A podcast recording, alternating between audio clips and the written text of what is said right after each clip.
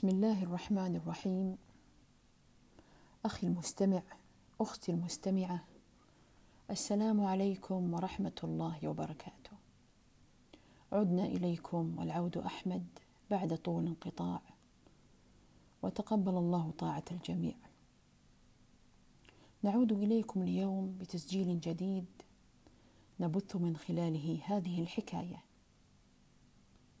يحكى بأنه قد هبت عاصفة شديدة على سفينة في عرض البحر فأغرقتها. ونجا بعض الركاب منهم رجل أخذت الأمواج تتلاعب به حتى ألقته على شاطئ جزيرة مجهولة مهجورة.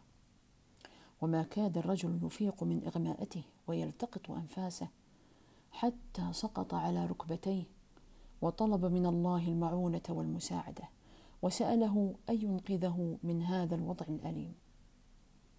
ومرت عدة أيام كان الرجل يقتات خلالها من ثمار الشجر وما يصطاده من أرانب في تلك الجزيرة. ويشرب من جدول مياه قريب وينام في كوخ صغير بناه من أعواد الشجر ليحتمي فيه من برد الليل وحر النهار. وذات يوم أخذ الرجل يتجول حول كوخه قليلا ريثما ينضج طعامه الموضوع على بعض أعواد الخشب المتقدة. ولكنه عندما عاد فوجئ, فوجئ بأن النار التهمت كل ما حولها فأخذ يصرخ. لماذا يا رب؟ حتى الكوخ حتى الكوخ احترق. لم يعد يتبقى لي شيء في هذه الدنيا وأنا غريب في هذا المكان. والآن أيضا يحترق الكوخ الذي أنام فيه. لماذا يا رب؟ كل هذه المصائب تأتي علي. ونام الرجل من الحزن وهو جائع. ولكن في الصباح كانت هناك مفاجأة في انتظاره.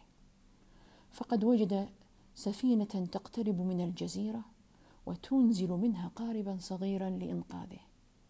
وعندما صعد الرجل على سطح السفينة أخذ يسألهم كيف وجدوا مكانه؟ فأجابوه لقد رأينا دخانا فعرفنا أن شخصا ما يطلب الإنقاذ. سبحان الله سبحان من علم بحاله ورأى مكانه. سبحان مدبر الأمور كلها من حيث لا ندري ولا نعلم. لذا أخي المستمع أختي المستمعة إذا ساءت ظروفكم فلا تخافوا. فقط ثقوا بأن الله له حكمة في كل شيء. حكمة ورحمة وعدالة في كل شيء يحدث لكم.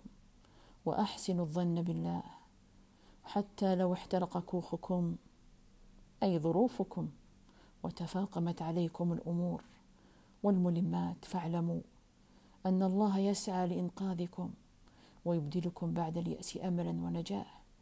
وإذا رأيتم أنفسكم أصبحتم لوحدكم دون أعوان فاعلموا أن الله يريد أن ينصركم وينقذكم ويبدلكم من هذا الحال إلى أجمل وأفضل وأطيب حال.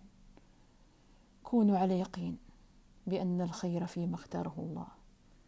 وارضوا بما قسم الله لكم. يرضيكم الله. وتحيون حياة طيبة. بقلوب مطمئنة بالله عز وجل.